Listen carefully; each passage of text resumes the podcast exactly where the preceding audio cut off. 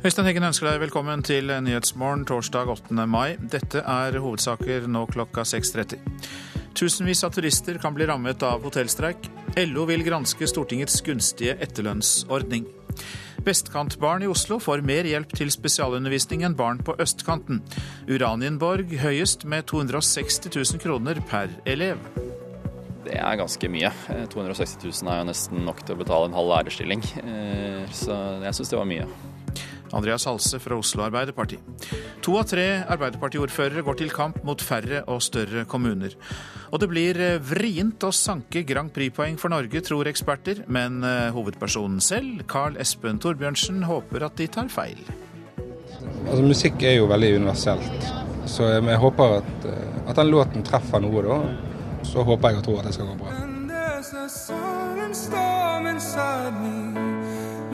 Looking for a home. I hope that someone's gonna find me.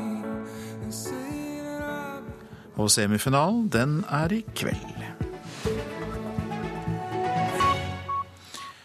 Tusenvis av turister kommer til Norge om noen uker, og det får reisearrangørene til å krysse fingrene for at hotellstreiken blir kortvarig.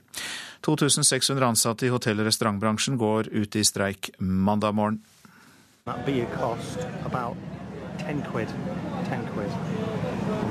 I tillegg til å støte på dyr øl i Norge, kan streiken føre til at turister møter stengte hotelldører når sesongen starter. Kommer folk fra andre land, da reiser de og da lander de på Gardermoen. og Da har vi ingen alternativ, vi bare må løse problemet. Sier leder Anette Karlsson i turoperatøren Haman Skandinavia. Årlig selger hun reiser til 20 000 turister, og i midten av mai starter trøkket for alvor. Altså Går det over en uke, da blir det vanskelig for oss. En rekke hoteller, bl.a. i kjedene Rika og Scandic, blir tatt ut i streik på mandag. Det skjer etter at Fellesforbundet sine medlemmer stemte ned forslaget til en avtale i går. Det er ti år siden sist det var streik i hotell- og restaurantbransjen. Da varte streiken i to dager. Europasjef for turoperatøren Tumlare, Vibeke Radum, har begynt å lete etter alternative hoteller for gjestene som snart kommer. Og Hvis de kommer til stengte hotelldører, så må vi jo sørge for at de finner noen alternativer. NHO Reiseliv mener at forslaget om et timetillegg på to kroner til alle ansatte var godt, og kaller streiken overraskende og beklagelig.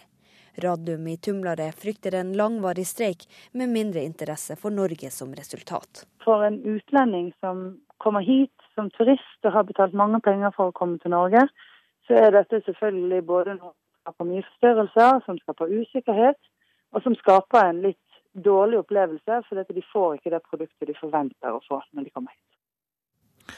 Reportere Kristine Svendsen og Hedvig Bjørgum.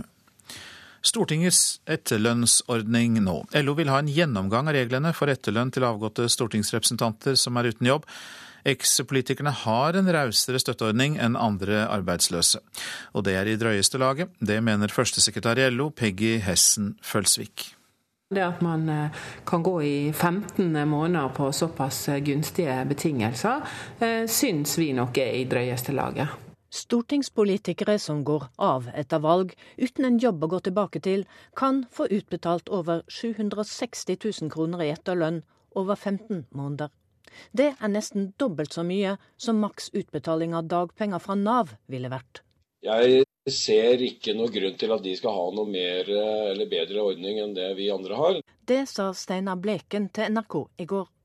Han mistet jobben da bedriften gikk konkurs. Det vil være godt for eh, stortingsrepresentantene å også føle på det, hvordan eh, virkeliglivet foregår. LO etterlyser altså en gjennomgang av reglene. Vi ønsker en gjennomgang av hele ordninga. Så får vi se på de ulike delene av den og så se eh, om totaliteten her er, er riktig. Hessen Følsvik understreker at det ikke må bli slik at ingen vil ta på seg det viktige vervet som stortingspolitiker. Men samtidig så må vi ha ordninger som gjør at vi ikke undergraver folk sin eh, respekt og tillit til politikerne. Sånn at det er jo denne balansegangen her vi må være veldig eh, nøye på å ivareta, sånn at ikke folk mister den respekten. Reporter her, det var Katrin Hellesnes. I dag er det et halvt år siden tyfonen Haiyan slo inn over Filippinene. 14 millioner mennesker, av dem 6 millioner barn, ble berørt av ødeleggelsene. Hjelpeorganisasjonene har brukt store krefter på å bygge opp igjen samfunnet. Merete Agerbakk Jensen, god morgen til deg.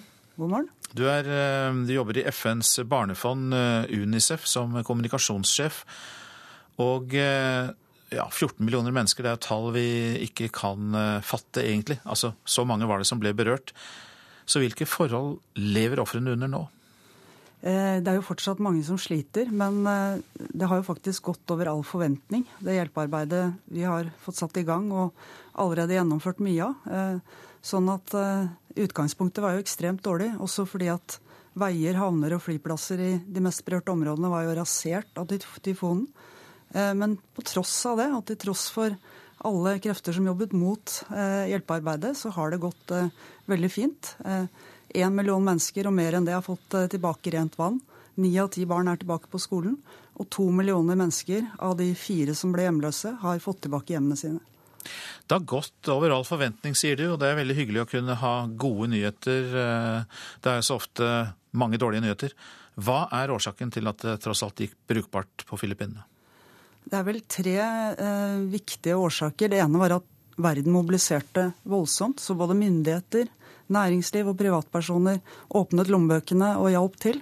Eh, hjelpeorganisasjonene har vært ekstremt flinke denne gangen til å koordinere seg.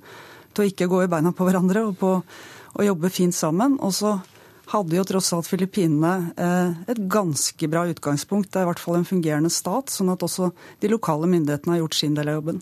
Og, så var det vel også slik at eh, denne tyfonen Ja, det, altså det var ting ved denne tyfonen som kunne ha forårsaket enda verre skade, men som likevel ikke skjedde?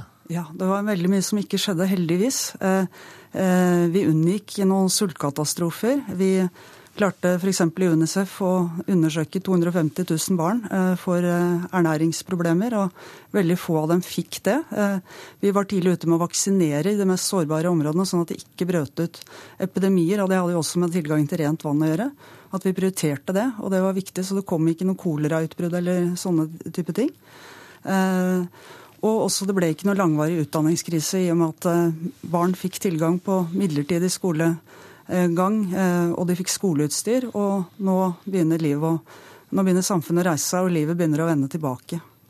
Men det skal jo bygges videre, jobber skal skapes og samfunnet utvikles. Eh, hvor langt er de kommet eh, på en måte til å komme tilbake til det helt normale igjen? Det er jo viktig å ikke miste grepet nå, fordi i juni eh, cirka, så begynner det å bli regntid igjen. og da Eh, er det også fare for nye tyfoner. sånn at eh, det som gjelder nå, er å bygge nytt og bygge sterkere. Sånn at samfunnet har mer motstandskraft neste gang det skulle komme en lignende situasjon. Det handler om å bygge bedre bygg. Det handler også om å ha sterkere strukturer i samfunnet. Eh, og det handler om å f.eks. ikke bygge så tett på strendene, sånn som tilfellet var før tyfonen brøt ut. Så nå er det egentlig en sone 40 meter fra strandkanten hvor eh, det nærmest er byggeforbud. Det skaper jo også en del utfordringer, selvfølgelig. Takk for at du sto tidlig opp og ble med her i Nyhetsmorgen, Merete Agerbakk Jensen, som altså da er kommunikasjonssjef i FNs barnefond, UNICEF. Nå om elever i Oslo som trenger spesialundervisning, for det viser seg at de får mer av det på vestkanten enn på østkanten i hovedstaden. Det går fram av en rapport konsulentselskapet Deloitte har laget for Utdanningsetaten. Snitt per elev i vest ligger på 124 000 kroner, mens det i øst bare er på 77 000 kroner. Det er friminutt for elevene på Gran skole i bydel Alna. Dette er en av de skolene i byen der flest elever får spesialundervisning. 11,5% av de som går her, trenger ekstra oppfølging. Det sier nestleder i utdanningskomiteen i Oslo bystyre, Andreas Halse fra Arbeiderpartiet. Det er godt over det som er gjennomsnittet i byen, som vil være på ca. 6 Språkopplæring for elever med minoritetsbakgrunn er ikke med i dette regnestykket. Heller ikke ekstratiltak for elever som har diagnosene autisme, multifunksjonshemming eller psykisk utviklingshemming. Noen eh, barn trenger hjelp fordi de har eh, problemer med atferden sin. De vet ikke helt hvordan de skal oppføre seg i en klasse. Eh, andre har problemer med å lære og trenger ekstra opp undervisning fordi de sliter med å knekke lesekoden. Andre barn kan igjen være så begavede at de trenger ekstra hjelp fordi skolen ikke klarer å gi dem nok utfordringer. Altså, det kan være en rekke ting som spesialundervisningen er ment å favne. alle skolene driver med spesialundervisning, men hvor mye som blir brukt per elev, kommer an på hvor en bor i byen. I en rapport Deloitte har laga for Utdanningsetaten, går det fram at snittet for skoler på vestkanten er 124 000. På østkanten er det langt lavere. Snittet er 77 000 kroner. Men variasjonen mellom skolene er stor, fra 30 000 per elev på Lofsrud til 260 000 per elev på Uranienborg skole. Det er ganske mye. 260 eh, 000 er jo nesten nok til å betale en halv lærerstilling. Eh, og det gir selvfølgelig en helt annen oppfølging enn eh, enn det du kan nyte for, for 30 000 kroner. Så jeg syns det var mye. Er det grunn til å tro at elever på vestkanten har dyrere og mer omfattende problem enn elevene på øst? Nei, det er det vel liten grunn til å tro. Det er ikke slik at skolene får et tilskudd fra kommunen per elev som har vedtak om ekstrahjelp.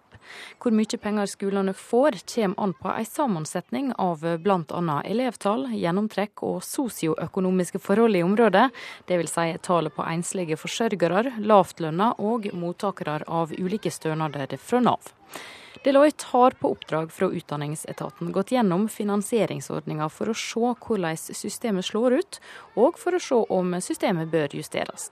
På tide, sier Halse. Eh, dette har vi foreslått flere ganger. Det står i programmet vi gikk til valg på for eh, snart et, eh, tre år siden. Og vi tok det jo opp i bystyret for et par år siden. Jeg er jo glad for at det fikk flertall. At vi nå har fått laget denne rapporten som har bekrefta mye, mye, av det vi har sagt. Og så håper vi at det også fører til politiske endringer for hele flertallet i Oslo. Alle skolene har hatt rapporten til høring. Det er nå over to måneder siden høringsfristen gikk ut, men Utdanningsetaten vil ikke si noe om verken innhold eller konklusjon. Og før rapporten kommer til politisk behandling, vil heller ikke ansvarlig byråd Anniken Hauglie fra Høyre kommentere innholdet i han. Og det sa reporter Ingvild Tannstad. Så til det avisene har på forsidene i dag. Folk har mer tillit til SAS enn Norwegian for første gang i historien, viser en undersøkelse TNS Gallup har gjort for Dagens Næringsliv. Norwegian er blitt utsatt for en systematisk og velorganisert kampanje for å ramme selskapets omdømme. Ja, det mener kommunikasjonsdirektør Anne Sissel Skånevik. En konspirasjonsteori og ingenting annet, svarer Hans Erik Skjeggerud i fagforeningen Parat. Én av ti fulle 15-åringer er blitt eh, seksuelt utnyttet, skriver Aftenposten. Jenter som drikker seg sterkt beruset, blir oftere utsatt for overgrep. Det sier forsker Hilde Pape, som har intervjuet 3000 tenåringer. Narkomedisinen som skulle hjelpe rusavhengige, tok 18 liv på ett år, skriver Bergens Tidende. Bruk av metadon krevde flere liv enn heroin i Hordaland i 2012, og Helse Bergen varsler gransking. Setter LO på sidelinje, er oppslaget i Klassekampen. Der bekrefter statssekretær Christian Dahlberg Hauge fra Frp at regjeringen vil endre arbeidsmiljøloven og sikre, at, sikre flere lokale avtaler. Hauge mener at stridighetene internt i LO om turnuser i sykehjem og fengsler bidrar til å hjelpe regjeringen til å endre arbeidsmiljøloven. Det var et nødvendig offer, sier Erna Solberg til Dagbladet om at regjeringen ikke møter Dalai Lama. Statsministeren sier at Norge er i en vanskelig situasjon fordi vi ikke har fått møte kinesere til politisk dialog på fire år. Bondelederne vil forhandle, ikke bryte med staten, får vi vite i Nasjonen. De reagerer kraftig på tilbudet fra staten i jordbruksoppgjøret, men et stort flertall av fylkeslederne i bondeorganisasjonene vil teste ut forhandlingsviljen til staten framfor å bryte med en gang. Gratis i Oslo, 5000 kroner i Bergen. Bergensavisen eh, der eh, skriver om at eh, kvinner som ønsker utredning om brystkreft, får time i løpet av en uke i Oslo, mens det kan ta opptil seks uker i Bergen. Vil de ha time raskere i Bergen, må de selv betale, og altså opptil 5000 kroner. Kirkerådet blar opp for å gi sexråd til unge, kan vi lese i Vårt Land. Gir 600 000 kroner til et nytt undervisningsopplegg som skal oppdatere hvordan Kirken snakker med ungdom om sex. Kvinnelandslaget ligger godt an til å kvalifisere seg til fotball-VM i Canada neste år. Men skal laget hevde seg i mesterskapet, så må de utvikle seg videre og spille mindre kynisk, mener NRKs fotballekspert Tom Nordli. I går slo landslaget Portugal, men uten å imponere.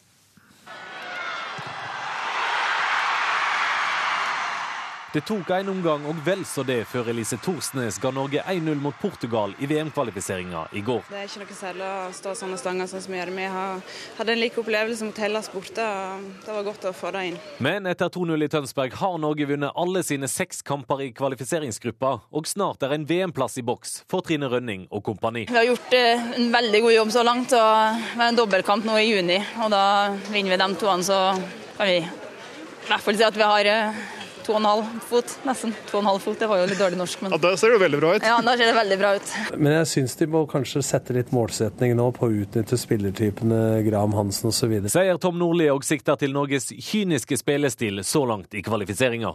Bli flinkere til å bruke playmakerne, er fotballekspertens råd. Vi er i ferd med å få fram en generasjon uh, unge damespillere nå som, som har uh, internasjonale ferdigheter individuelt sett. Så det tror jeg vi må utnytte i større grad offensivt. For i VM kan det fort bli bråstopp med samme stil som mot Portugal. Nei, så de kommer seg et stykke, men jeg tror at skal du hevde deg i VM når du får med Japan og, og USA osv., så, videre, så tror jeg at de må ha et register til å spille på hvis de skal greie å komme seg så, så langt i mesterskapet. Så det vil være et naturlig utviklingsmål, syns jeg. Og det blir kanskje neste mål, for tap av VM-plass er ingen bekymra for. Det er mye som skal til for at vi ikke kommer dit nå, så nå er det bare å gjøre jobben resten. Vi har lagt et godt eh, grunnlag for oss sjøl. Ja, Elise Thorsnes, en av de vi håper på i Canada neste år. Reporter Hans Henrik Løken.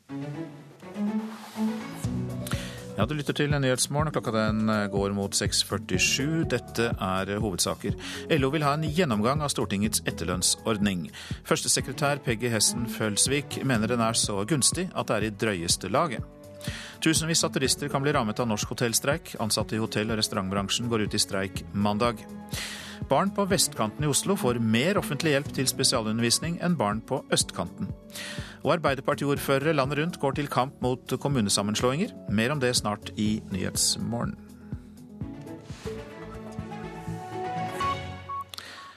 Han er dømt til 1000 piskeslag og til ti års fengsel for å ha vanæret islam. Amnesty Norge reagerer kraftig på dommen mot bloggeren Raif Badawi i Saudi-Arabia. Det sier seniorrådgiver i Amnesty, Ina Tin. Det er en vanvittig dom, og vi er utrolig skuffet over at ikke saudiske myndigheter tok det fornuft. Det har vært stor oppmerksomhet om saken til Raif Badawi både i Saudi-Arabia, men også internasjonalt. Og det at de nå straffer ham ytterligere, altså denne straffen har jo gått opp fra syv års fengsel og 600 piskeslag til dommen i dag, som sier ti års fengsel og 1000 piskeslag og én million saudiske rial i bot. Det er altså da en, en, virkelig en voldsom skjerping av saken. Ina Tinn i Amnesty og organisasjonen vil be om et møte med norsk UD for å ta opp denne saken på nytt. De heiser fanen mot kommunesammenslåinger. To av tre ordførere fra Arbeiderpartiet går til kamp mot færre og større kommuner. Hundre av dem har skrevet under på et opprop mot regjeringens planer. Én, to, tre, fire, fem, seks, sju, åtte, ni, ti.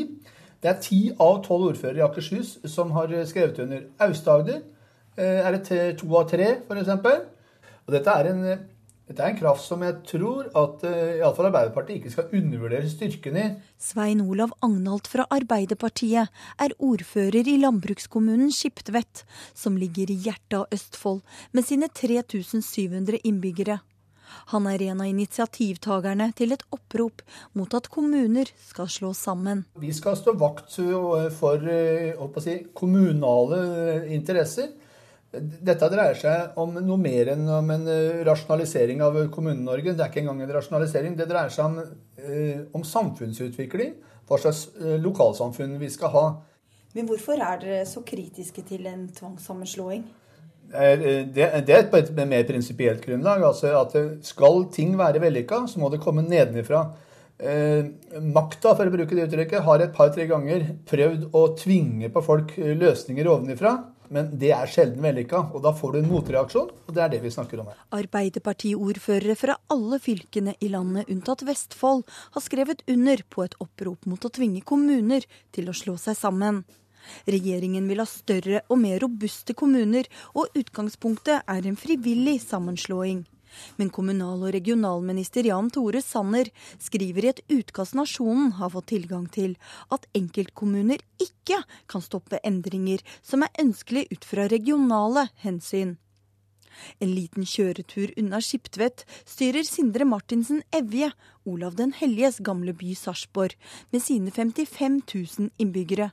Også han er kritisk. Det som ser ut til å bli en tvangssammenslåing nå, og et uh, betydelig press på kommunene, er feil vei å gå.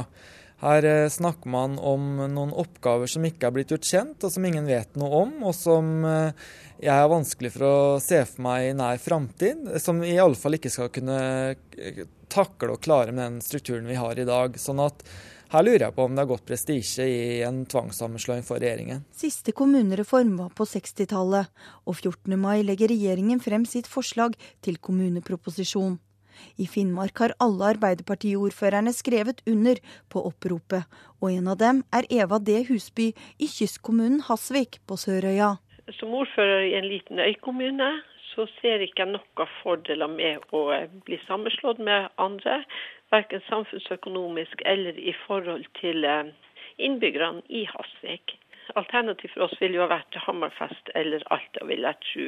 Og den geografiske avstanden ville ha blitt veldig stor. Reporter, det var Anette Torjussen. Det kan bli vrient for Norge å ta seg videre til finalen i Eurovisjonens melodikonkurranse. Det mener en dansk markedsøkonom som har analysert hvordan landene pleier å stemme under konkurransen. Norge og Finland er de eneste nordiske land i kveldens semifinale i København, og dermed kan stemmesankingen bli ekstra vanskelig for Carl Espen Torbjørnsen.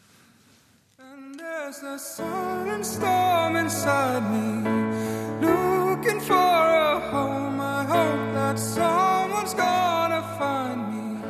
Altså, jeg tar jo ingenting for gitt, så jeg må jo, jeg vet jeg må gjøre mitt aller beste. Det sier Karl Espen Torbjørnsen om sine egne muligheter for å ta seg videre til finalen før kveldens semifinale. For det kan bli vanskelig, skal en tru danske Lars Bo. Altså, man kan si, den, den, ser, den ser generelt sett svær ut fordi mange av de landene i pulje med jamen det er ikke noen der typisk gir høye poengtall til, øh, til, Norge. Den danske markedsøkonomen har utarbeidet en undersøking der han har sett på hvordan de ulike landene tradisjonelt stemmer i Eurovision Song Contest. Han ser at det kan bli vanskelig for Norge å ta seg videre, fordi vi har havnet i ei gruppe med mange østeuropeiske land, som til dømes Slovenia, Makedonia og Romania. Land som har en tendens til å stemme på hverandre. Hvis Norge skal ha en reell mulighet for å gå videre, så krever det høye poengtall fra, fra først og fremst Finland, øh, fra Irland også fra Israel og MGP-ekspert Inge Solmo synes at det er ei spennende undersøking, og han støtter dansken i at det ser ut til å bli vanskelig for Norge i kveld. Men helt håpløst er det ikke. Så jeg tror det kan bli litt lunkent med poeng, men også en del høye score fra bl.a. Finland. Eh, Irland tror jeg vil nok stemme på oss. Og så er det vel mulighet, hvis israelerne er på lag, at vi kan få poeng derifra også. De er ikke så kjipe med poeng. Torbjørnsen håper sjøl at musikken vil treffe publikum og sanke stemmer på tvers av landegrenser, trass i danskens undersøking. Altså, musikk er jo veldig universelt, som ikke bryr seg om landegrenser. Da. så jeg håper at, eh, at, at den låten treffer noe, da.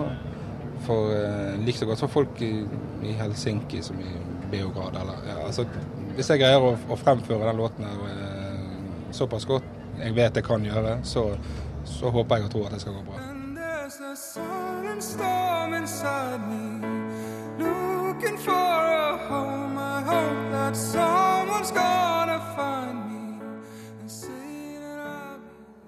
Og det var Guro Kvalnes som lodde stemningen foran semifinalen i kveld. Kortfilmen Ja, vi elsker er eneste norske bidrag på filmfestivalen i Cannes, som åpner om en uke.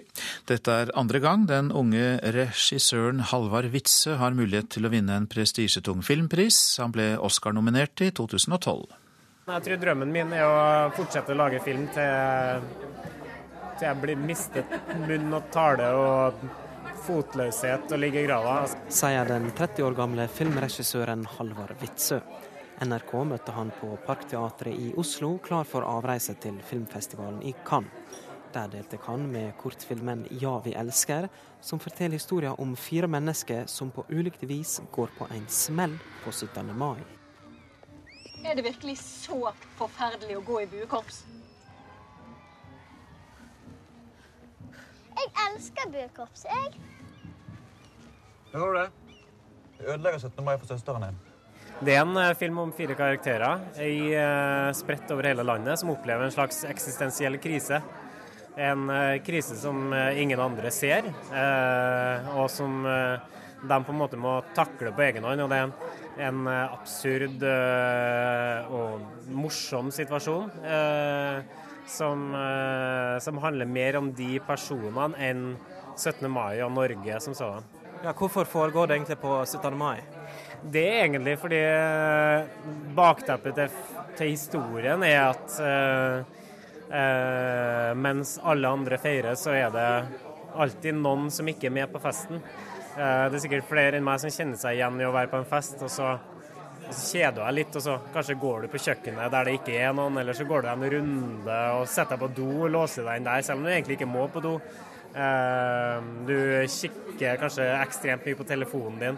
Akkurat det der med å være i sin egen boble mens hele verden feirer rundt deg, eh, det var det som var på en måte eh, hva skal vi si, historien i det. da. Den filmen er jo nå nominert til Cannes og skal være med der. Når fikk du beskjeden om at du var tatt ut dit? Jeg fikk beskjeden midt i påskeferien, og da hadde jeg besøkt mor og far. og hadde uh, ingen ansvar for verken frokost eller lufting av hund eller noe som helst, så jeg lå langt utpå. Uh, og våkna av et sånn pluss 33-nummer. Jeg nesten nekta å tro det før jeg hadde blitt ferdig med samtalen og blitt gratulert av en uh, veldig så jovial franskmann som het Bruno. Og sa du, du er nominert til Cannes, og, og, og liksom må, måtte fått lagt på røret og satt meg litt ned og liksom synke det over. For det her er det største som noen gang har skjedd meg. Det, det, kan ikke sammenlignes med Oscar, men det her er en så viktig festival. Det er en så viktig eh, begivenhet eh, for alle vi som har lagd filmen, og ikke bare meg. Blir liksom, da blir liksom det med å vinne den liksom siste gullpalmen eh, det blir liksom ikke så viktig, fordi det eventyret, det, det, det skal vi oppleve uansett. Ja, regissør Halvard Witzøe der, og reporter var eh, Lars Ivar Nordahl. En av Norges første barnestjerner, Stumpa-skuespilleren Ole Enger, er eh, død, 65 år gammel. Fra 1963 til 1967 spilte han i tre Stumpa-filmer som hadde stor suksess i Norge. Enger døde i slutten av april etter lengre tids kreftsykdom, ifølge nekrologen hans, som da står på trygg i Aftenposten i dag. Så til værvarselet fram til midnatt. Langfjella først. Skyet vær, perioder med litt snø, vesentlig da sør for Haukeli. Fjell i Sør-Norge unntatt Langfjella. Liten kuling utsatte steder nær svenskegrensen. For det meste skyet vær. Litt snø av og til i østlige områder, ellers eh, stort sett opphold. Østlandet litt regn av og til, vesentlig nord for Oslo og mest eh, øst for Mjøsa. Snø i høyereliggende strøk. I kveld kan det hende det blir litt regn sør for eh, Oslo. Telemark stort sett opphold, fra i ettermiddag litt regn. Agder liten kuling i vest først på dagen, litt regn av og til. Rogaland sørøst liten kuling utsatte steder, seint i ettermiddag minkende vind. Det blir regnbyger i Rogaland. Hordaland enkelte regnbyger, vesentlig da først på dagen. Sogn og Fjordane enkelte regnbyger, fra i ettermiddag nordøst opp i frisk bris ved Stad, stort sett oppholdsvær. Møre og Romsdal utrygt for enkelte regnbyger på Sunnmøre, men ellers i fylket oppholdsvær. Trøndelag eh, sørøst liten kuling utsatte steder, i indre strøk utrygt for litt regn, ellers til dels pent vær i Trøndelag. Nordland, på Helgeland og Saltfjellet sørøstlig stiv kuling utsatte steder, i ettermiddag liten kuling og for det meste pent vær. Så går vi til Troms. Pent vær, men noe skyet i grensetraktene. Finnmark noe snøbyger på kysten i øst først på dagen, men ellers oppholdsvær i Finnmark. Og Nordensjøland på Spitsbergen, der blir det litt snø av og til i dag. Så runder vi av med temperaturene som ble målt klokka fem. Svalbard lufthavn pluss to, Kirkenes minus én. Vardø og Alta null, Tromsø minus to, Bodø pluss tre, Brønnøysund pluss fire. Trondheim og Molde fem, Bergen og Stavanger sju, Kristiansand-Kjevik fire, Gardermoen én grad, Lillehammer to. Røros minus to og Oslo-Blindern pluss tre.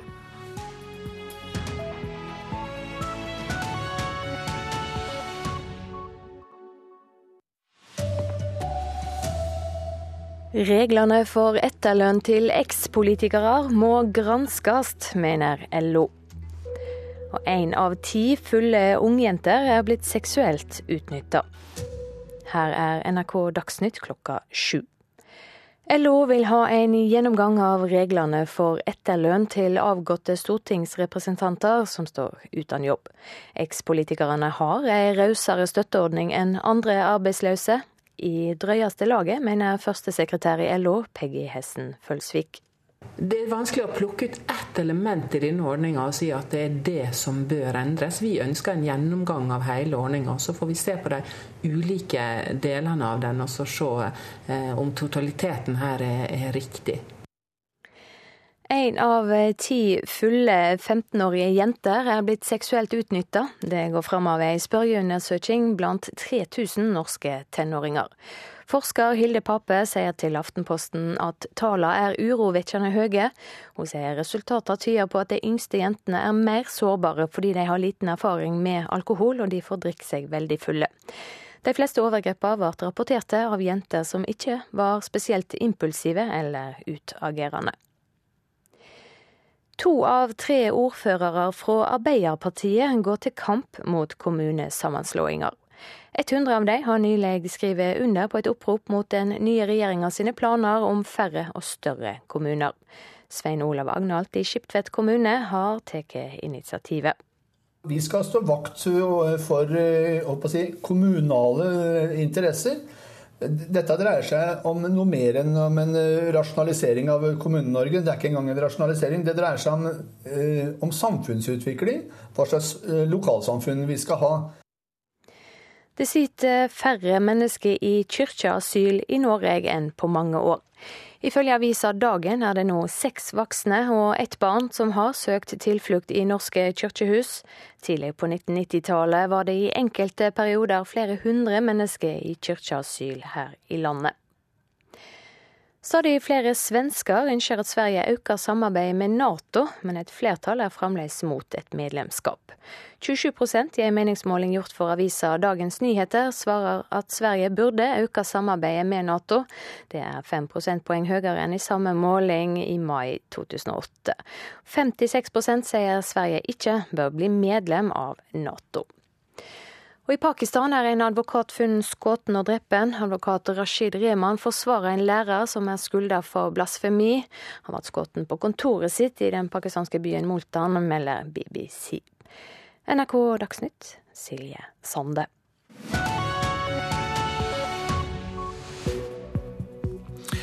Nyhetsmorgen fortsetter med disse sakene. Ny medisin bidrar til at flere MS-pasienter lever uten plager. Slå dere sammen, sier kunnskapsministeren til universiteter og høyskoler. Hvis ikke kommer han til å gjøre det. Vi får også de siste informasjonene om valget i Sør-Afrika, der det meldes om tilbakegang for ANC. Putin ber separatistene i Ukraina avstå fra avstemning om løsrivelse. Mer om det også her i Nyhetsmorgen. Og så var det Barokkhagen på Røros. Den visste du kanskje ikke om. Det kan du høre mer om også i denne sendingen.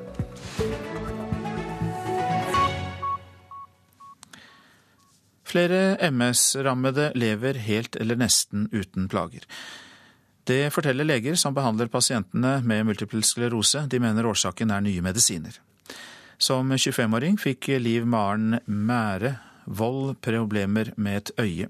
Etter flere legebesøk viste det seg at betennelsen på synsnerven var et symptom på MS. Jeg så jo da for meg et liv med rett og slett rullestol, kateter. Uh, ingenting av det jeg hadde planlagt og tenkt. Da har jeg antatt ja ja, det går nedover. Herifra blir det ikke bedre. Det er nå fem år siden Liv Maren fikk diagnosen MS. Sykdommen gir betennelse i nervesystemet, som igjen kan føre til utmattelse, dårlig syn og lammelse. Eh, da var det ganske raskt rett på medisin. Jeg satt sprøyte sjøl tre dager i uka. Eh, men eh, de hjalp ikke som de skulle, jeg fikk et nytt attakk. Attakket var nok et symptom på at sykdommen utvikla seg. Norge er et av landene i verden med høyest forekomst av MS. I dag lever 10 000 personer med denne sykdommen her i landet, men stadig flere helt eller nesten uten store plager, forteller leger. Professor Trygve Holmøy har jobba med MS-pasienter i 20 år.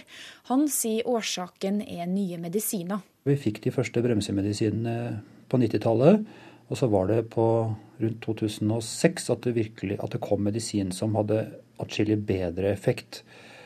Og de siste året har vi fått flere medisiner som også har en ganske god effekt. Medisin kan likevel ikke hjelpe alle.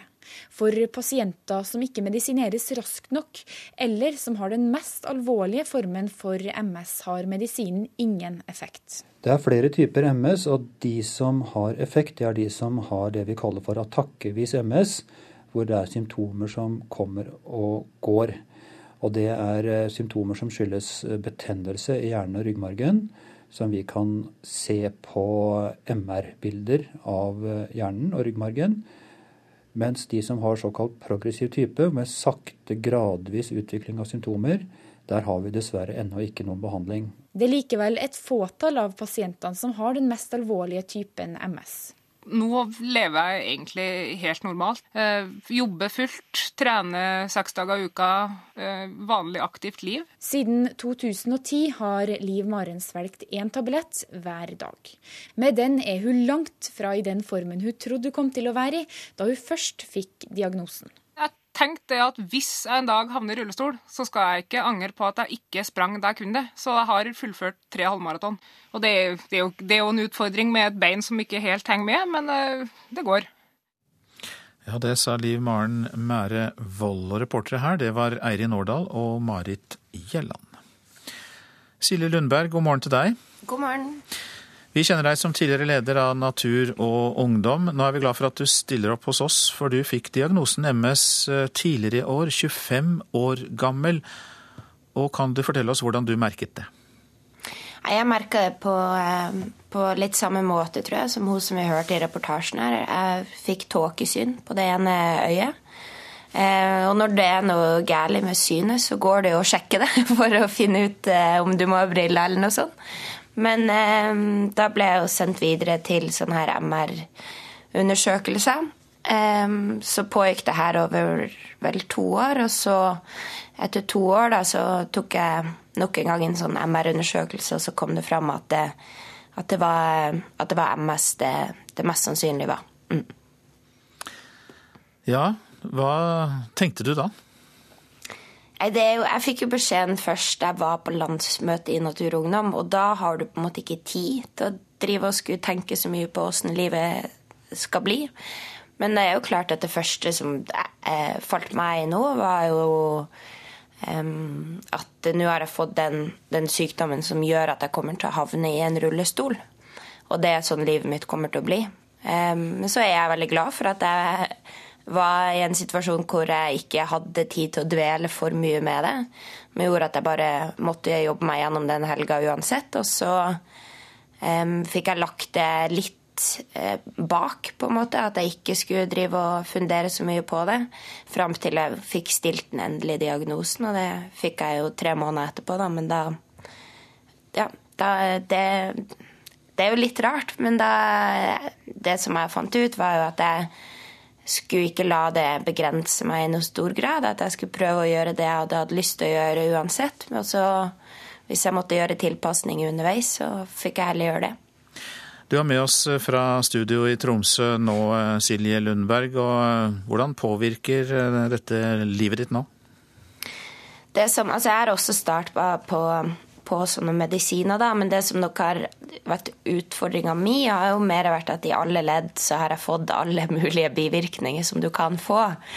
Sånn at av selve MS-en så ser jeg ikke så mye til den i dag. Jeg har fortsatt tåkesyn, men det er det. Og så tar jeg to tabletter om dagen, en om morgenen og en om kveld. Men jeg har eh, fikk både veldig kraftige bivirkninger etter de undersøkelsene som jeg gjorde for å finne ut om jeg hadde MS, og så fikk jeg veldig kraftige bivirkninger da jeg starta på medisinen. sånn at det som, eh, som, jeg i hvert fall også tror at det er viktig at sykehusene også er åpne om, er jo de bivirkningene som du kan få. At det ikke er sånn at du er til bry hvis du får det og du trenger hjelp og støtte. Jeg hadde veldig gode venner som, som ga meg en sofa og, og, og ligge flatt ut på da det skjedde, men det tror jeg, tror jeg er viktig at, at, sykehusene også gjør. Mange takk skal du ha, Silje Lundberg, for at du var med i Nyhetsmorgen og delte dette med oss.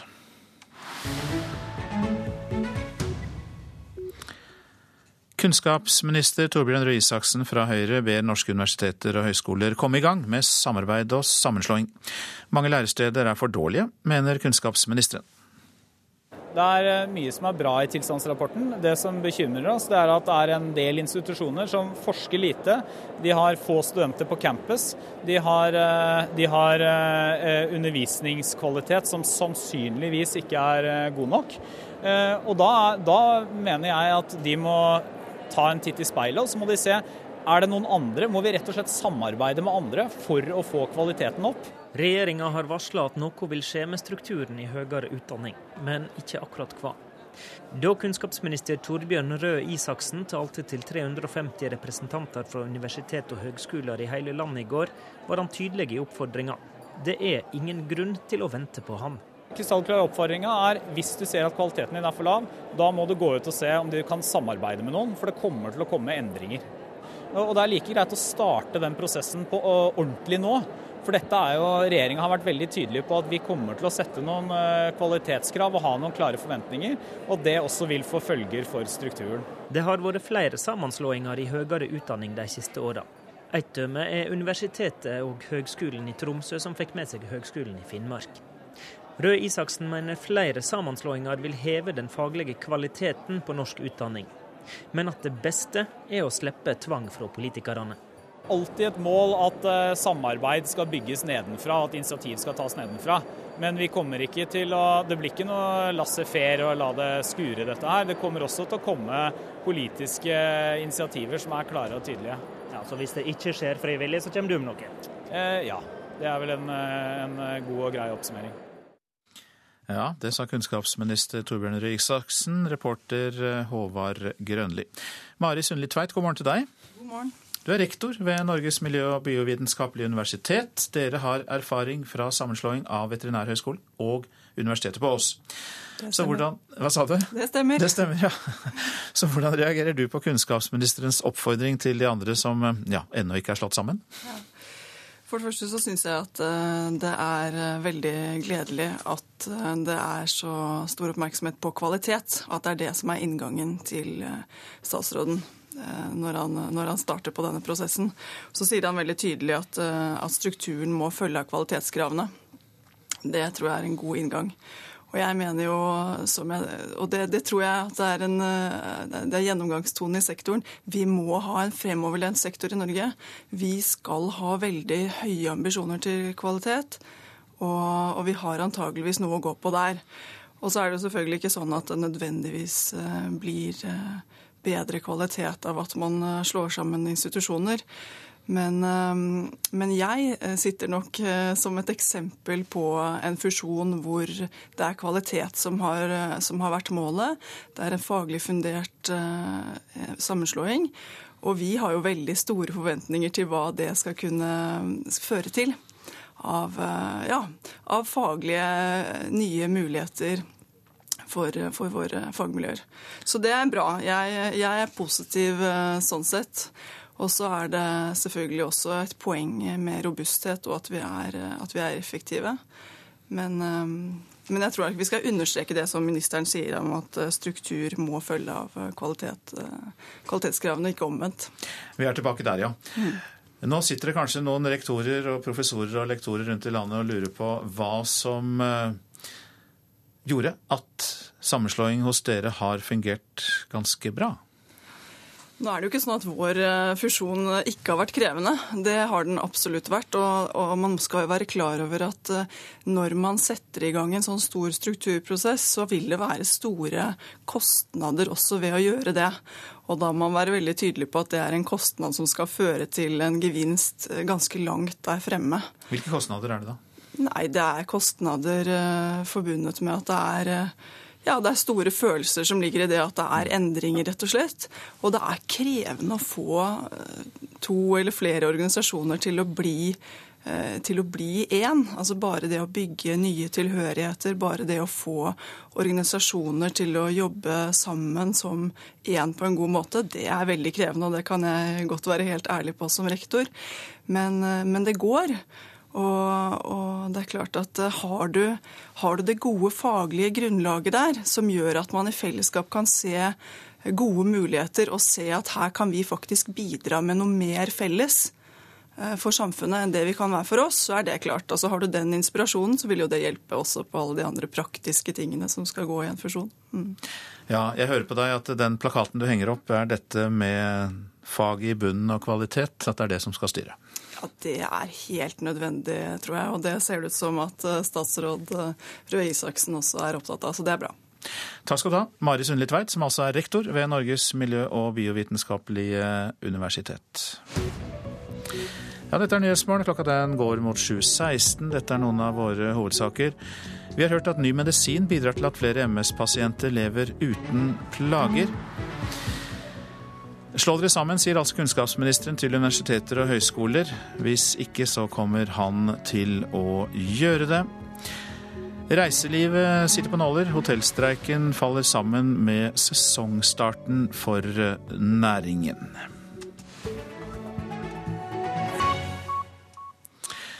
EU fortsetter arbeidet med å vurdere en skjerping av straffetiltakene mot Russland, men president Vladimir Putin ba i går de russiske separatistene i Donetsk-regionen om å utsette sin planlagte folkeavstemning søndag om en mulig løsrivelse fra Ukraina. Og Moskva-korrespondent Hans-Wilhelm Steinfeld, god morgen til deg. God morgen. Hva fikk Putin til å snu? Ja, det var åpenbart. Det presset Vesten utvirker mot Russland nå. Eh, uttalelsen kom etter møtet med det sveitsiske presidentskapet for Organisasjonen for sikkerhet og samarbeid i Europa. Putin erklærte at eh, de burde utsette denne folkeavstemningen, separatistene i Danetsk, og han sa samtidig at de russiske 40 000 soldatene var trukket tilbake fra grensen mot Ukraina. En veritabel tilbaketrekning, med andre ord. Kan vi tolke dette slik at Russland gir Ukraina et pusterom fram til presidentvalget 25. mai? Ja, fordi eh, der utenriksminister Sergej eh, Lavrov denne uken kalte presidentvalget i Ukraina for absurd under møtet i Wien for utenriksministrene fra Europarådet, så sa Putin i går at dette presidentvalget det er et steg i riktig retning. Putin leser meningsmålinger sjøl, og nå har eh, favoritten til presidentvalget i Ukraina, Pjotr Porosjenko, 43 av stemmene bak seg. I tillegg har jo Putin en etterretningstjeneste i Ukraina. Myndighetene i Kiev mener å vite at 70% av de etniske russerne som bor i Ukraina, ønsker å forbli borgere av landet. Og i går i Berlin sa Porosjenko til Angela Merkel at nå burde sanksjonsrunde tre settes inn mot Russland for å forhindre at russerne skulle anerkjenne en folkeavstemning i Danetsk. Ja, nettopp det, Hans-Wilhelm Steinfeld. Hvilke ris bak speilet er det EU og USA har nå? Ja, Nå fortsetter jo arbeidet med å utarbeide en sanksjonsrunde tre i EU og USA. Da dreier det seg om svære statseide russiske eh, firma. Hele sektorer av russisk økonomi kan bli boikottet av Vesten, og enda flere folk i Putins krets. Men så får vi jo se, da, når, når dette utspillet kom fra Putin. For i går så sa jo den britiske utenriksministeren at opplegget om en separatistreferendum på søndag var blåpapirkopi av det som skjedde på Krim. Nå har Putin trukket seg. Separatistene i Ukraina vet at de er lite verd uten russestøtte fra Putin. Mange takk skal du ha, Moskva-korrespondent Hans-Wilhelm Steinfeld. Og vi vender oss til Sør-Afrika, der 25 millioner stemmeberettigede hadde anledning til å delta i landets femte demokratiske valg etter apartheid-tiden. Og da spør vi deg, Sverre Tom Rade i Johannesburg, hva viser opptellingen så langt? Ja, Det er ca. 25% av stemmene som til nå er talt opp. og det regjerende ANC-partiet får faktisk en forholdsvis lav oppslutning, klart under 60 slik det ser ut nå. 50, mellom 55 og 58% har det svinget mellom i det siste. Mens det demokrati, Den demokratiske alliansen gjør et meget sterkt valg, og det er det andre største partiet. Og så må vi ganske langt nedover på prosentlista, i hvert fall for å finne da det, det tredje største her i eh, Sør-Afrika. Men foreløpig altså så gjør ANC det det dårligste valget som, eh, som, de har gjort. Men igjen, det er eh, veldig mange stemmer igjen. Det var jo knyttet stor forventning til en spesiell velgergruppe som kalles Born Freeze. Forklar. Ja, Dette er jo da det første valget eh, som en velgergruppe som aldri har opplevd apartheid, har fått delta i. Og denne gruppen var det jo spesielt viktig å følge med på. Ville de stemme? Hva ville de stemme? Ville de eh, spre seg slik andre gjorde? Men det som har skjedd, er altså at det bare er en tredjedel, en tredjedel av, eh, av uh, disse menneskene som i det hele tatt har registrert seg. Og hvor mange som igjen da har eh, gått til stemmeurnene, det vet vi ikke. Men foreløpig så er resultatet fra den siden ganske lavt. Opptellingen pågår. Når kan vi vente et endelig resultat, eh, Sverre Tom Radøy? Ikke før eh, i løpet av begynnelsen på kvelden, men foreløpig så ser det ut som at alt går på skinner her. Det er ikke meldt om uroligheter. Det er et samfunn og en stat som senker skuldrene og venter spent på resultatet. Mange takk skal eh, du ha. Et utvalg i Representantenes hus i USA stemte i natt for å stanse etterretningstjenesten omfattende innhenting av metadata fra amerikanske telefonsamtaler. Vedtaket er et stort skritt mot en stans i masseovervåkningen av millioner av amerikanere, skriver nyhetsbyrået AFP. Vedtaket var enstemmig, noe som er uvanlig i den sterkt splittede amerikanske kongressen. Colombianske myndigheter har avslørt spionasje mot fredsforhandlingene mellom regjeringen og FARC-geriljaen. En kriminell organisasjon fanget opp e-poster mellom en FARC-leder og regjeringen. Trolig har spionene også klart å overvåke president Juan Manuel Santos' e-post, melder BBC. Fredssamtalene mellom regjeringen og FARC-geriljaen startet på Cuba i 2012, og har som mål å få avsluttet en 50 år lang konflikt.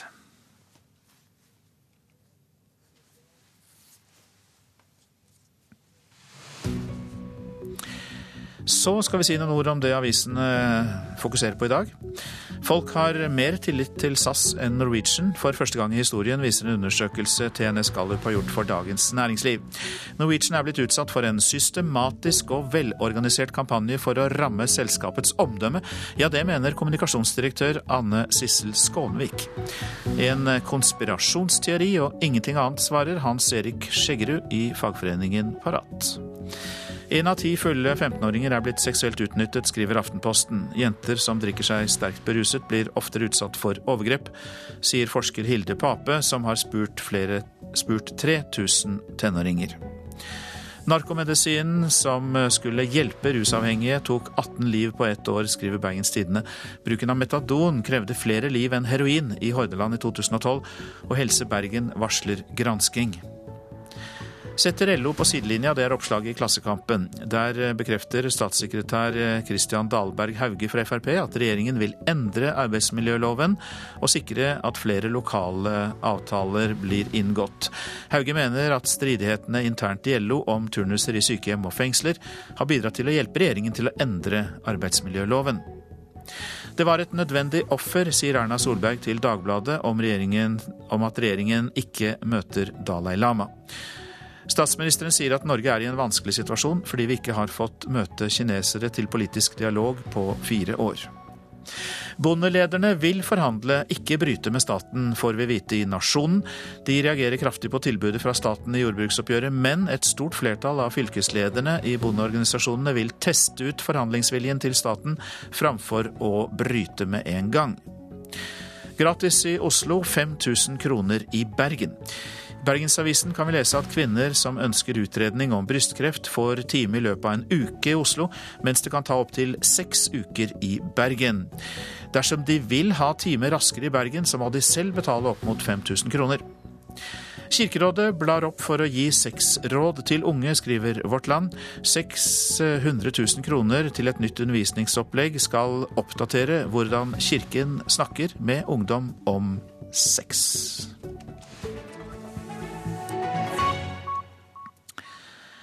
En barokkhage på Røros. Ja, det ble faktisk anlagt en slik hage nær gruvebyen på 1700-tallet. Da var kobberverket på sitt mest lønnsomme, og den eksentriske Peder Hjort var direktør ved Røros kobberverk.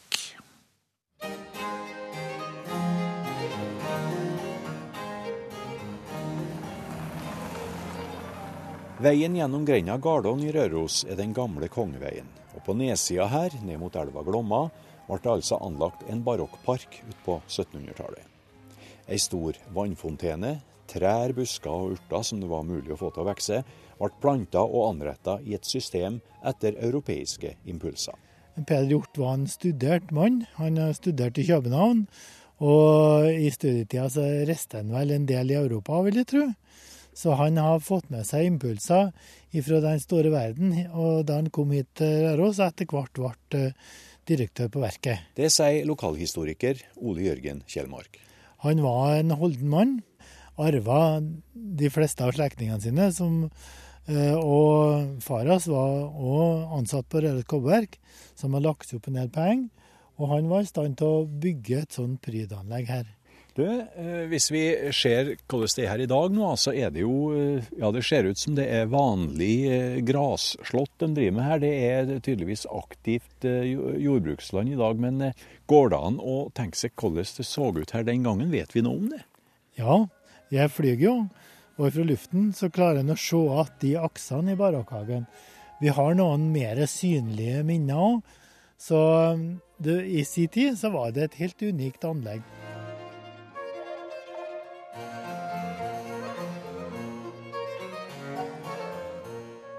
Nesten ned mot elva der da, gjennom bjørkskogen, så skimter vi et lite hus. Hva er det for noe, det? Jo, det er det som ble kalt Hjortkirka.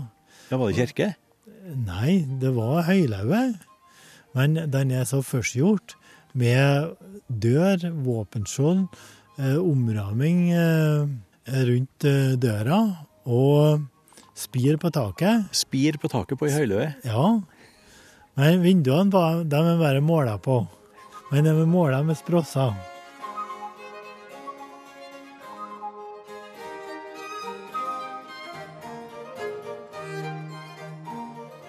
Og så må vi si litt om det disse aksene. Fordi at uh, han laga altså, kan si, noen slags uh, korridorer og akser i dette her, da.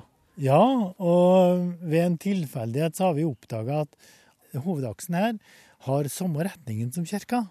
Temmelig nøyaktig. Ja, Og så har jeg og du i et tidligere innslag snakka om hvilken retning den aksen i kirka har. Ja, aksen på kirka eh, peker rett imot Jerusalem, og aksene her peker i samme retning. Er det mulig at det er en tilfeldighet at aksene her ute peker mot Jerusalem, samtidig som at kirka gjør det? Det er for nøyaktig og, eh, til å være en tilfeldighet. Og Peder Hjort var ikke prega av, av tilfeldigheter. Så det var nok en, en klar tanke som lå bak det.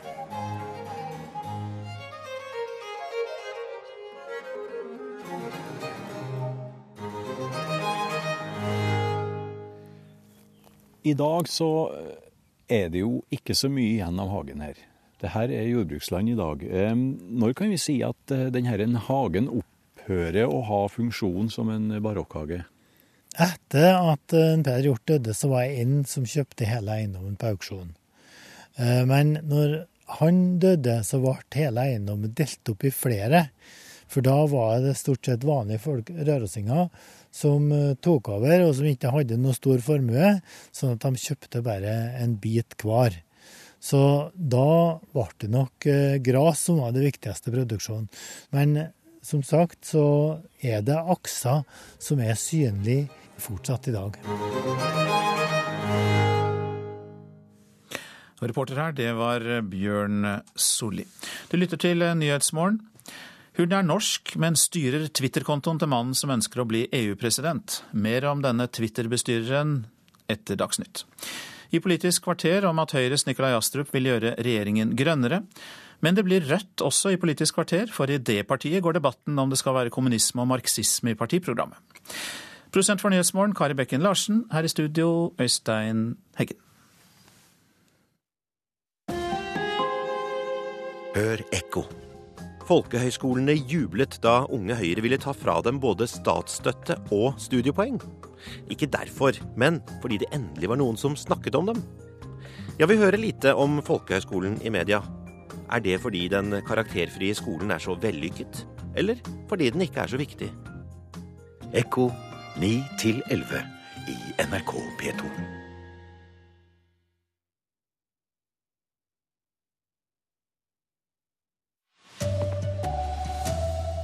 Nye medisiner gir håp for MS-syke. Mange har et liv helt uten plager.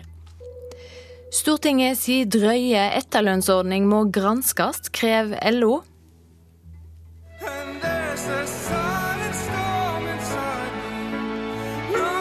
I kveld er det semifinale. Nabostemmer i Øst-Europa kan hindre Norge å gå videre i Melodi Grand Prix. God morgen, her er NRK Dagsnytt klokka 7.30. Nye medisiner fører til at flere med sykdommen MS lever helt eller nesten uten plager. Det forteller leger som behandler pasientene. Multippel sklerose er en kronisk betennelsessykdom som kan gjøre folk uføre og sterkt handikappa. Som 25-åring fikk Liv Marin Mærevold problemer et øye. Etter flere legebesøk synte det seg at betennelsen på synsnerver var et symptom på MS. Jeg så jo da for meg et liv med rett og slett rullestol, kateter. Uh, ingenting av det jeg hadde planlagt og tenkt. Da har jeg antatt ja ja, det går nedover. Herifra blir det ikke bedre. Det er nå fem år siden Liv Maren fikk diagnosen MS. Sykdommen gir betennelse i nervesystemet, som igjen kan føre til utmattelse, dårlig syn og lammelse. I dag lever 10 000 personer med sykdommen i Norge, men stadig flere helt eller nesten uten store plager, forteller leger. Professor Trygve Holmøy har jobba med MS-pasienter i 20 år. Han sier årsaken er nye medisiner. Vi fikk de første bremsemedisinene på 90-tallet. Og så var det på rundt 2006 at det virkelig at det kom medisin som hadde atskillig bedre effekt. Og de siste året har vi fått flere medisiner som også har en ganske god effekt. Medisinen kan likevel ikke hjelpe alle. For pasienter som ikke medisineres raskt nok, eller som har den mest alvorlige formen for MS, har medisinen ingen effekt. Det er likevel et fåtall av pasientene. Siden 2010 har Liv Maren svelget én tablett hver dag.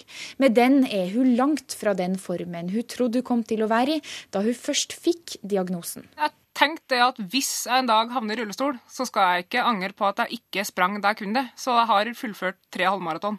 Og det, det, er jo, det, er jo, en utfordring med et bein som ikke helt henger med, men uh, det går. Reportasjen var laga av Eirin Årdal og Marit Gjelland. LO vil ha en gjennomgang av reglene for etterlønn til avgåtte stortingsrepresentanter som står uten jobb. Ekspolitikerne har ei rausere støtteordning enn andre arbeidsløse. I drøyeste laget, mener førstesekretær i LO, Peggy Hesten Følsvik. Det at man eh, kan gå i 15 måneder på såpass gunstige betingelser, eh, syns vi nok er i drøyeste laget. Stortingspolitikere som går av etter valg uten en jobb å gå tilbake til, kan få utbetalt over 760 000 kroner i etterlønn over 15 måneder. Det er nesten dobbelt så mye som maks utbetaling av dagpenger fra Nav ville vært. Jeg ser ikke noe grunn til at de skal ha noe mer eller bedre ordning enn det vi andre har. Det sa Steinar Bleken til NRK i går. Han mistet jobben da bedriften gikk konkurs. Det vil være godt for eh, stortingsrepresentantene å også føle på det, hvordan det eh, livet foregår. LO etterlyser altså en gjennomgang av reglene. Vi ønsker en gjennomgang av hele ordninga. Så får vi se på de ulike delene av den og så se eh, om totaliteten her er, er riktig. Hessen Følsvik understreker at det ikke må bli slik at ingen vil ta på seg det viktige vervet som stortingspolitiker. Men samtidig så må vi ha ordninger som gjør at vi ikke undergraver folk sin eh, respekt og tillit til politikerne.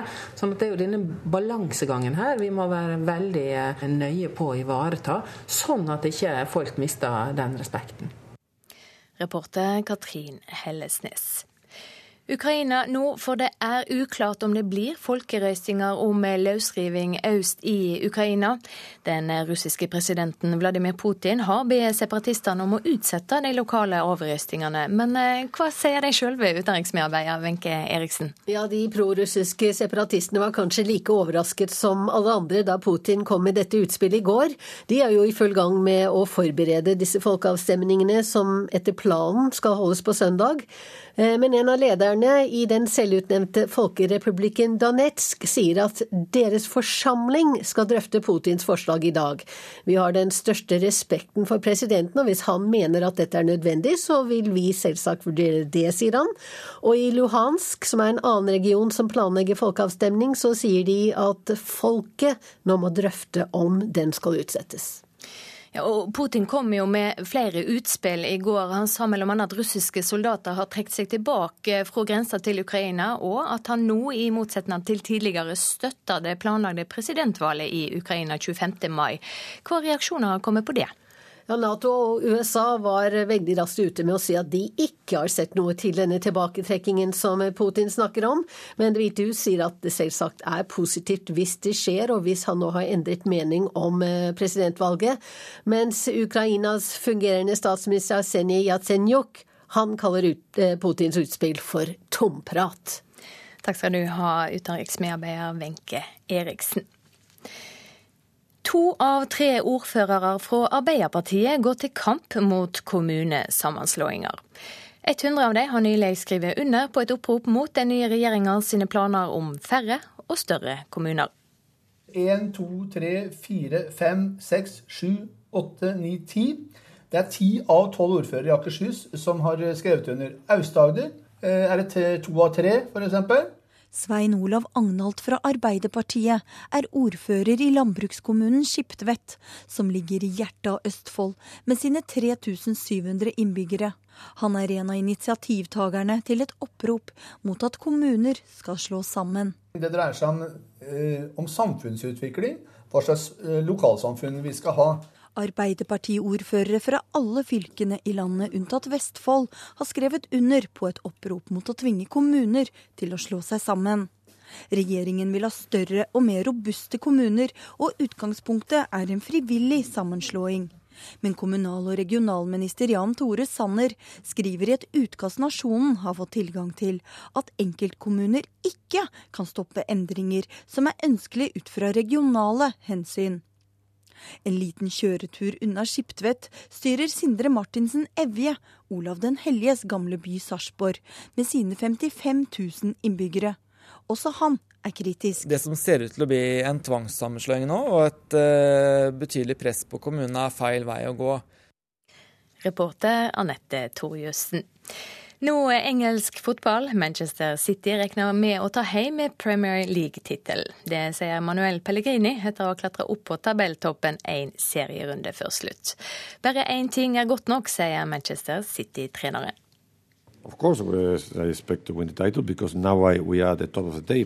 Selvfølgelig forventer vi å vinne ligaen. Vi leder jo tabellen. Manchester City-manager Manuel Pellegrini var ikke akkurat beskjeden etter 4-0-seieren mot Aston Villa i går kveld.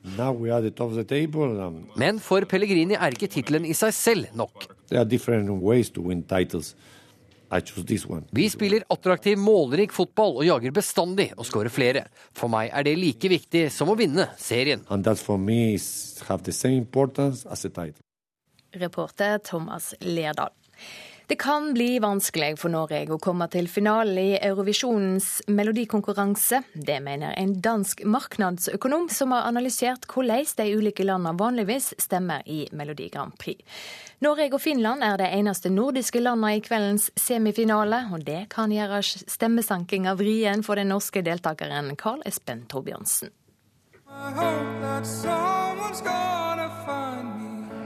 Altså, jeg tar jo ingenting for gitt, så jeg, må jo, jeg vet jeg må gjøre mitt aller beste. Det sier Karl Espen Torbjørnsen om sine egne muligheter for å ta seg videre til finalen før kveldens semifinale.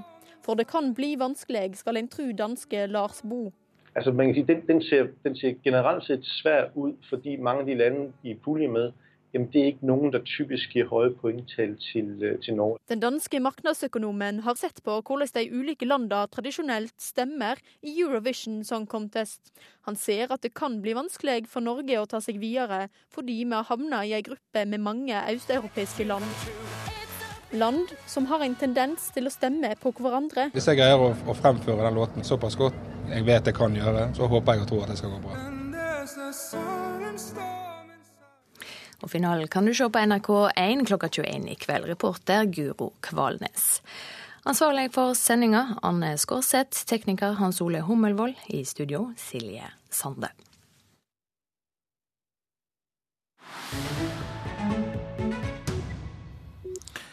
Ja, Du lytter til Nyhetsmorgen. Om to uker er det valg på nytt EU-parlament, og for første gang kan velgerne også være med å bestemme hvem som skal bli den neste EU-presidenten. Martin Schulz heter sosialistenes presidentkandidat. Hun som styrer Twitter-kontoen hans, er norsk. Europakorrespondent Åse Marit Befring har mer. Så da skal vi legge ut på Twitter. Fingrene beveger seg raskt over tastaturet. Det er valgkamp, og det haster å få ut budskapet. Da var den på Twitter. Så har vi faktisk forhåndslaget òg en oppdatering på fransk. Så hvis jeg rekker det nå I EU-valget kjemper de om å kapre stemmer i 28 land. Det krever hyppige oppdateringer på sosiale medier på mange språk. Nå er det én time til Martin Schulz skal presentere sitt politiske program for de neste fem årene. Og Marte Ingull har allerede gjort klart flere tweets og Facebook-meldinger for å legge ut på hans private kontoer. Today I'll show you how Europe can change after 25th of May. Are you in? Follow the streaming at 11.30 CET. Here. Best å sjekke at alt er ja, i orden? det er alltid lurt å sjekke. Martin Schulz ønsker å bli president i kommisjonen. EUs regjering, altså. Og norske Marte hjelper ham med det. Hun er den eneste nordmannen som er ansatt for å drive EU-valgkamp. Jeg er utlånt. Jeg jobber egentlig i Arbeiderpartiet. Men uh, så fikk jeg et spørsmål om jeg ikke ville flytte til Brussel og, og drive valgkamp. Martin Schulz er den presidentkandidaten som har flest følgere på Facebook. Sju millioner, forteller Marte til en kollega. Men nå skal partiprogrammet legges frem på tradisjonelt vis.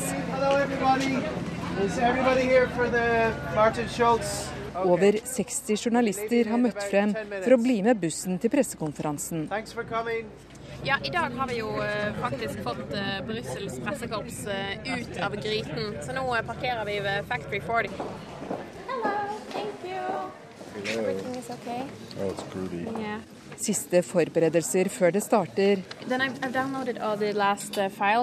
Mens presidentkandidaten snakker, skal Marte Ingull og kollegaen publisere meldinger fortløpende. Here, I just updated this before uh, I came. That's the post, the post text. Yeah, the post. Um, so it's already done. Well, it has to go on internet, but yeah, it's basically almost already okay. I'll do Facebook, you do Twitter. De har ikke hatt tid til å snakke med Schultz selv, fordi han akkurat har kommet fra Portugal. Martin came here an hour ago from the Really? Innen valgnatta skal han besøke 24 land på en knapp måned. Morning, ladies and gentlemen.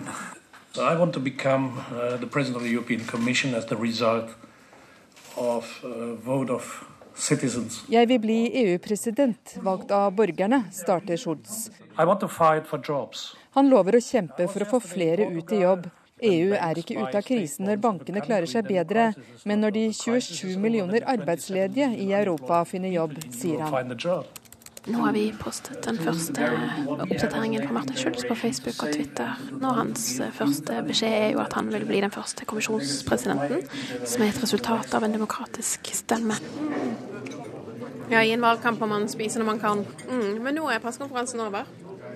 Eh, Og vi har eh, fått ut budskapet på de plattformene som vi har, så nå er det jo gjenstår jo en stor jobb med å moderere og gå gjennom kommentarer eh, og takke folk. Men tror du at du nå er med på å hjelpe ham frem til å vinne valget? Jeg håper jo at jeg eh, bidrar til et skritt riktig retning sammen med det teamet som jeg er med på. Eh, og at eh, de timene i døgnet, de mange timene i døgnet vi bruker på å lage godt innhold og snakke med, med velgere på nett, gjør en forskjell.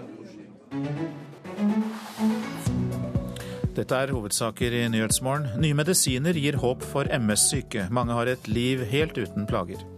Stortingets etterlønnsordning er så gunstig at det er i drøyeste laget, mener LO, krever gransking. Én av ti fulle 15-åringer er blitt seksuelt utnyttet, viser intervjuundersøkelse. Forsker Hilde Pape sier til Aftenposten at tallene er urovekkende høye. To av tre ordførere fra Arbeiderpartiet går til kamp mot færre og større kommuner. 100 av dem har skrevet under på et opprop mot regjeringens planer. Du lytter altså til eh, Nyhetsmorgen, og eh, Neste post på programmet er Politisk kvarter.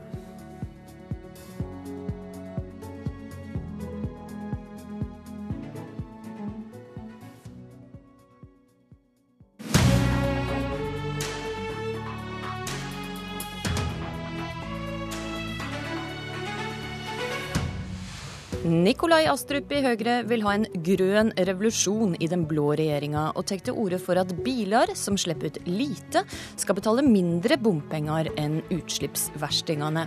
Kjem ikke på tale, svarer regjeringspartner Frp. God morgen, dette er Politisk kvarter i studio, Astrid Randen. I morgen starter altså Høyre sitt landsmøte, og der fremmer du flere radikale miljøforslag, miljøpolitisk talsperson Nikolai Astrup. Blant annet tar du til orde for en miljødifferensiert bompengeavgift. Forklar, hvordan skal dette fungere i praksis? I dag så er det jo sånn at enten så er det gratis å kjøre gjennom bomringen hvis du kjører elbil, eller så koster det full pris hvis du kjører en vanlig bil. Eh, og eh, det jeg ser for meg, er at man bør vurdere lokalt om man skal innføre en, eh, en miljødifferensiert bompengeavgift. Ikke fordi man skal kreve inn mer penger, men rett og slett for å styrke forurenser betaler-prinsippet og sørge for at det alltid lønner seg å velge miljøvennlig, sånn at også når du passerer bomringen, så skal det lønne seg å, å kjøre en litt mer miljøvennlig bil. Så du vil altså gjøre det litt dyrere for de som har store amerikanske bensinslukere, og litt billigere for de som har ganske miljøvennlige biler. Ja. Hvor store forskjeller ser du for deg i pris her, da? Det må man komme tilbake til. og Dette er uansett et spørsmål som avgjøres eh, lokalt. og Det er ikke sikkert man får det til overalt, men jeg mener det er noe som bør vurderes. Rett og slett fordi at etter hvert så er man nødt til å se på avgiftssystemet for eh, kjøp av bil. Og da er det viktig at man, eh, at man også har et avgiftssystem for bruk av bil som, som gjør at det lønner seg å ta miljøvennlige valg i hverdagen. Men sluttsummen for den enkelte bomstasjon skal være den samme? Ja. ja. Dette er ikke et forslag for, for, å kreve inn mer penger enn fra folk. Eh, og jeg mener at uh, dette er heller ikke et forslag som rammer de som må kjøre uh, i rushtiden. Uh, for det er mulig å kjøre i rushtiden med en litt mer miljøvennlig bil. Og dermed så slipper du unna med en lavere bompengeavgift. Så det er ikke en slags snikinnføring av rushtidsavgift? Altså? Nei, det er det ikke. Nei. Dette kan vi aldri gå med på. Det sier du, Oskar Grimstad, medlem i energi- og miljøkomiteen for Frp. Hvorfor er dette en så dårlig idé? Nei, I utgangspunktet så uh, synes dette å være en idé som, som uh, rammer barneforeldre, og gjerne de med dårligst økonomi. For det er jo gjerne slik at uh, en barnefamilie gjerne må ha to biler. Og da er det den bil nummer to som blir den bilen som er minst miljøvennlig. For det er nok slik eh, Nikolai Astrup, at eh, det er ikke alle familier som har råd til to Tesla. Og eh, en Tesla konebil blir nok for de færreste et alternativ. Slik at gjerne er det, er det da den som må ha bil nummer to, som er gjerne en gammel bil, en bil som forurenser og som da må ta hele regninga på den bomstasjonen. Og Det, det syns Fremskrittspartiet er en, en tanke som, som man slett ikke liker. Ja, Det er ikke alle som har råd til Tesla. Nikolai Nei, Dette handler jo heller ikke om det. For det handler jo nettopp om at uh, hvis du kjører en, en uh, bil som forurenser lite, men som ikke er en elbil, uh, så bør du slippe med noe lavere avgift enn hvis du kjører en, en, svær, en svært, svær, dieselbil. og i dag er det veldig mange rimelige familiebiler som slipper ut lite. Så teknologien har løpt foran resonnementet til Oskar Grimstad. Eh, og jeg er sikker på at eh, den, eh, det lokale vettet er nokså godt i disse sakene, så man finner et balansepunkt hvis man ønsker å innføre dette. Det, altså, du tror at de lokale politikerne forstår dette forslaget bedre enn Grimstad? Nei, det jeg sier er at uh, det er også en teknologisk utvikling som gjør at det finnes gode familiebiler som ikke er spesielt dyre, uh, og som gjør at du kan slippe billigere for barnefamiliene når du passerer bomringen. Uh, og kjører du en liten bil, så forurenser den også mindre enn en stor bil. Men da er det gjerne sånn at en liten bil det er ikke en familiebil. En liten bil er ikke den du tar med deg barna dine i. slik at i utgangspunktet så er du nødt til å ha en litt stor bil. Og, og store elbiler, det, er, det, ser du knappest på veiene i dag. Så eh, forslaget som, som sådan eh, knytt til bom og bompenger gir enda et argument for å føre bomstasjoner, og det er i utgangspunktet det som Fremskrittspartiet er mest imot. Ja, Dere er ikke interessert i å svelge flere kameler på dette punktet? Det er riktig. Og, og, og så videre at man, at man eh, da på en måte skal bruke dette i miljøsammenheng, gjør at eh, man, man skal prøve å skape legitimitet for, for, flere bomstasjoner. og Det er det vi er opptatt av ikke skal skje. Er det det du gjør, Astrup? Skape legitimitet for flere bomstasjoner? Dette er ikke et forslag som er eh, fremmet for å innføre bompenger flere steder. Dette handler om at mange steder i landet har du bompengeringer, særlig rundt de store byene. Eh, og, at, og, Der mener jeg altså at lokale politikere bør vurdere om man kan innføre en miljødifferensiering for å sørge for å styrke forurenser betaler-prinsippet, og sørge for at det alltid lønner seg å velge miljøvennlig for folk i hverdagen. Eh, det er ikke nok idealisme i verden, eh, dessverre, til at folk tar miljøriktige valg helt av seg selv. Vi er nødt til å hjelpe til ved å bruke både gulrot og pisk. Og, og prismekanismen virker, det, det ser vi. Eh, og det å gjøre det billig å være miljøvennlig, det, det tror jeg gjør at flere vil, vil ta gode valg. Mm, du har altså flere progressive forslag. Du vil eh, bl.a. at eh, nye busser og drosjer skal ha nullutslipp allerede neste år. Hvem skal betale den regninga? Vel, Jeg mener jo ikke at det kommer til å bli spesielt mye dyrere. tvert om. I drift så er jo, så er jo både busser og drosjer som, som går på Eh, som, som, slipper ut eh, mindre, eh, billigere i drift, rett og slett fordi de bruker mindre drivstoff, veldig mange av dem. Men f.eks. koster det vel to kroner mila å kjøre elbil, mens det koster syv-åtte kroner mila å kjøre dieseldrosje. Så jeg tror jo drosjesjåførene kommer til å komme godt ut av dette. Men jeg tror Men det er litt mitt, dyrere å kjøpe inn? Mitt viktigste poeng er egentlig at kommunene har en enorm eh, makt. Fordi de er store innkjøpere av f.eks. busser. Eh, kommuner og fylkeskommuner bestiller rutebåter, de utsteder drosjeløyver, eh, og de har muligheten til å stille miljøkrav. Og jeg mener at eh, kommunene ikke skal kunne kjøpe en dieselbuss lenger, en gammeldags dieselbuss.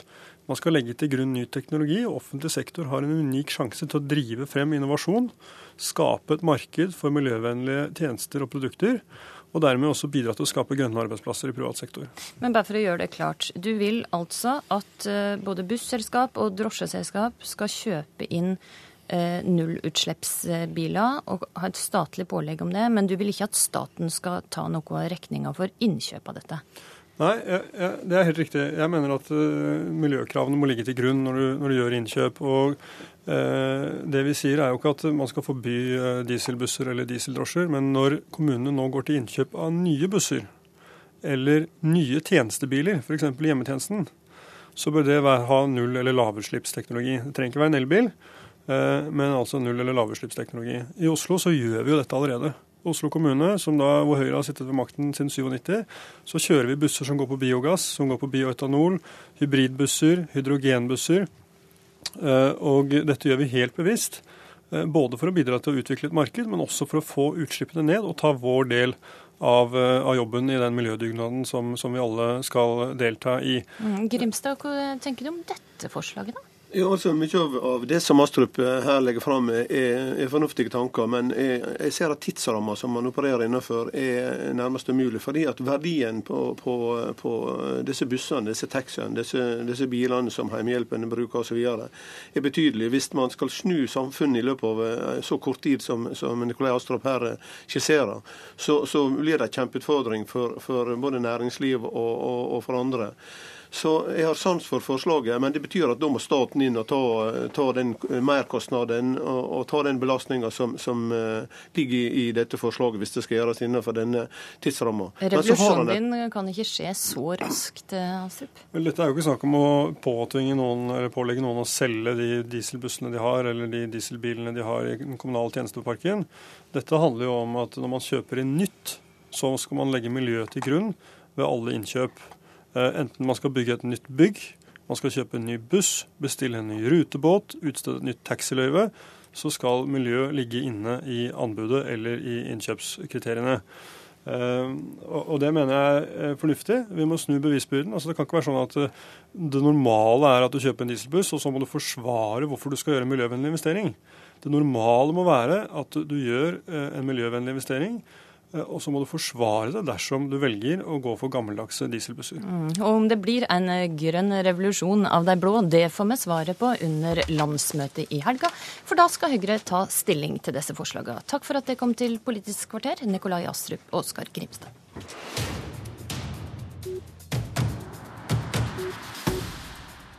Vi skal fortsette å snakke om en annen form for revolusjon, nemlig den væpna. For skal en omtale revolusjonene i Kina og Sovjet som positive?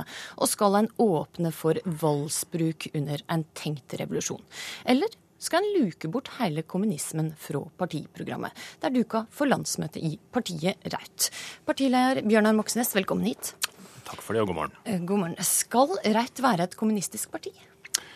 Altså, Vi er ikke et kommunistisk parti, hvis du da mener et parti som ønsker å, å, fjerne frie valg. Det er vi selvfølgelig ikke. Vi er et sosialistisk parti, og vi er for en revolusjon. Dvs. Si en grunnleggende demokratisk systemforandring. La meg bare gi et eksempel på hva det betyr, for det er jo det er litt forvirring rundt, rundt det begrepet. Eh, I dag eh, så er det jo sånn at, eh, at bank og finans Tilgangen til kreditt den er styrt av private særinteresser som har vist seg å være villige til å sette framtida til hele eh, samfunn på spill, sånn som i Hellas, for å sikre sin egen profitt. Vi mener at eh, de ressursene som bankeierne sitter på, den samfunnsmakten de utøver, den skal demokratiet overta, eh, og det vil være en revolusjon. Mm, men det pågår altså en heftig debatt i ditt parti. Og grovt sett så kan vi si at det er yngre krefter som står mot tre tidligere partileirer i AKP og Raut. Eh, og der eh, er det kanskje ikke overraskende de eldste som vil holde på formuleringene med kommunisme og formuleringene om eh, Kina og Sovjet i prinsipprogrammet. Hvem av disse sidene støtta du? Rødt er et konsekvent demokratisk parti, og vi må ha et prinsipprogram som gjør det helt utvetydig hvis vi har noen begreper, formuleringer, som kan brukes til å så tvil om det, så mener jeg at vi skal få klarhet i det eh, på landsmøtet. Jeg er helt sikker på også at altså landsmøtet vil, vil sørge for. Men eh, hva med formuleringa som denne? Vi ønsker oss at det, altså en revolusjon, skjer fredfullt og uten for mye kaos. Men folk bør forberede seg på at det kan gå annerledes og videre. Om eh, makthaverne da velger å gå til fysiske angrep på folket, ser vi det ikke som urimelig at eh, folket svarer kontant. Er ikke dette formuleringa som sår tvil om Raut er et demokratisk parti? Jeg syns selv det kanskje høres litt fraseradikalt eh, ut. Eh, prinsippet her eh, er vel et prinsipp som jeg tror alle norske partier vil si seg enig i, nemlig at demokratiet må også kunne forsvares mot vold, mot kuppmakere, mot den typen ting. Og det vil også være en politioppgave hvis sånne ting skjer. Men sånn som det er formulert, så kan det nok åpne for eh, diverse debatter som er avsporinger fra det vi egentlig kanskje prøver å diskutere. Og da tolker jeg det dit at du ikke støtta de tre tidligere partilederne sitt eh, forslag til nytt prinsipprogram? Jeg vil eh, gi mitt klare syn på de spørsmålene her til landsmøtet i debatten, og så er det opp til landsmøtet å bestemme. Jeg er helt sikker på at vi kommer til å få et prinsipprogram som helt utvetydig eh, slå fast at Rødt ønsker mer demokrati. Det er derfor jeg er sosialister, og at det ikke er noe tvil om vårt syn på det. Men eh, du har altså tidligere sagt at det er viktig å fornye seg og mm. rydde bort mm. begrep mm. som skremmer velgerne. Mm. Hvilke begrep snakker du om da? Nei, Det er viktig at vi sørger for eh, at folk utenfor partiet har omtrent samme inntrykk av partiet som det vi selv har. Og da trenger vi, mener jeg, en åpen debatt om de begrepene vi bruker, om, den, om de ordene vi velger for å beskrive prinsippene våre. Og ikke minst at vi trenger et eh, program som ikke eh, driver med spekulasjoner om mulige framtidige handlingsscenarioer, men som slår fast hva som er Rødts prinsipper. Nemlig mer eh, demokrati, sosialisme og folkestyre. At det ikke skal være noe tvil om det hvis folk lurer på det. Mm. Det er altså sånn at du har sagt at du ønsker å fornye dette eh, partiet, i tillegg til en opprydning av begrepet. Hvordan, eh, på hvilken måte vil du fornye Rødt? Nei, det vi, det vi, ser i Europa, det er jo at de eh, radikale partiene som går fram, det er jo partier som, som evner eh, å fornye seg uten å løpe vekk fra eh, prinsippene sine. det ser vi både i Danmark, Nederland og Hellas. Jeg mener at vi trenger et, et moderne sosialistisk parti som klarer å stille de vanskelige, men også ubehagelige spørsmålene om det systemet vi lever i. Et økonomisk system uh, som fører til stadig økende skiller, sånn som for så vidt Piketty nylig har uh, dokumentert. Et økonomisk system som fører til klimakrise fordi privat profitt er viktigere enn hensynet til miljø. De spørsmålene der, formulert på en ny måte, mener jeg mange vil være interessert i å diskutere. Og et parti som står for de synspunktene, tror jeg kan ha en, en riktig framtid. Der må vi avslutte Bjørnar Moxnes, men ønsker deg lykke til med landsmøtet i helga. Hør flere podkaster på nrk.no podkast.